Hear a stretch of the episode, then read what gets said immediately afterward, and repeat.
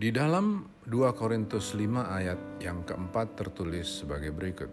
Sebab selama masih diam di dalam kemah ini, kita mengeluh oleh beratnya tekanan.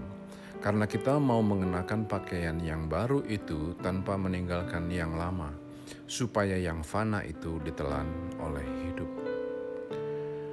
Kita memiliki Tuhan yang agung, Dia yang rela menjadi sama seperti manusia dan kemudian bahkan mati di kayu salib. Kematian di kayu salib itu menunjukkan suatu makna yang penting. Apa makna kematian di kayu salib? Makna kematian di kayu salib adalah kerelaan Tuhan Yesus untuk mati bagi keakuannya. Sejarah mencatat di dalam Alkitab bahwa dosa adalah hidup di dalam keakuan. Mari kita kembali kepada apa yang terjadi pada Adam di Taman Eden. Sebelum jatuh ke dalam dosa, sebetulnya Adam adalah seorang manusia yang hidup sepenuhnya untuk kepentingan Allah. Apa pun yang dilakukan Adam pada saat itu, semuanya dilakukan untuk kepentingan Allah. Tapi kemudian ia jatuh dalam dosa. Sejak ia jatuh ke dalam dosa, maka kemudian segala sesuatu yang dilakukan oleh Adam dilakukan untuk kepentingan dirinya sendiri. Semua manusia yang lahir sesudah Adam hidup dalam pola yang sama, pola hidup keakuan. Itulah sebabnya Mengapa Allah meninggalkan manusia pada zaman Nuh? Karena manusia hanya sibuk kawin dan mengawinkan, sibuk menyenangkan diri sendiri. Kesalahan ini berulang-ulang terus-menerus, bahkan sampai di zaman Tuhan Yesus.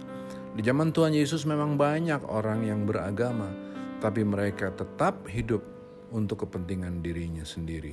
Agama juga digunakan untuk memuaskan diri sendiri. Nah, ke, semua kesalahan itu dikoreksi oleh Tuhan Yesus. Ia mengosongkan dirinya. Ia yang setara dengan Allah mengosongkan dirinya menjadi sama seperti manusia. Dia mati bagi keakuannya. Dan kemudian dalam kemanusiaan dia mati di kayu salib. Dia mati bagi keakuannya. Selama kita masih hidup dalam keakuan, tekanan hidup ini akan menjadi sangat berat. Kita akan terus mengingini satu dan lain hal. Kita dapat satu, kita nggak puas, kita kepingin lebih lagi. Belum punya rumah, kita kepingin punya rumah. Kemarin saya lihat di YouTube ada orang punya rumah yang luar biasa bagus, luar biasa bagus mahal pasti rumah itu dibangun di tebing, pemandangannya ke kota besar. Wah luar biasa ada helikopternya, mobil-mobilnya luar biasa bagus. Tapi saya yakin dia nggak puas dengan rumah yang sudah sehebat itu. Dia kepingin punya rumah yang lebih hebat lagi. Itu berat, tekanan seperti itu berat. Ayo, kita jangan hidup untuk kepentingan diri sendiri. Ayo kita pakai pakaian yang baru, yaitu suatu kehidupan yang seperti Kristus, kehidupan yang tidak berepicentrum pada keinginan diri sendiri. Apakah bisa dilakukan? Hampir mustahil. Kenapa mustahil? Karena sebetulnya kita nggak mau tinggalkan cara hidup yang lama itu. Cara hidup yang sombong, cara hidup yang nyenengin diri sendiri. Bagaimanapun kita sudah sangat menikmati cara hidup seperti itu.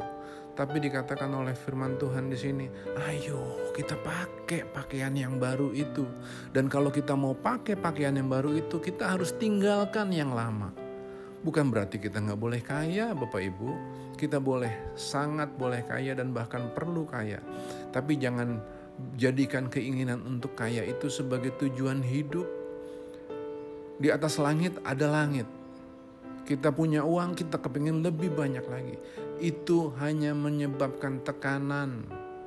Tanggalkan cara berpikir itu. Itulah salib kita, menanggalkan cara pikir yang salah. Kejar Tuhan Yesus cara hidupnya. hidupi cara hidupnya. Amin.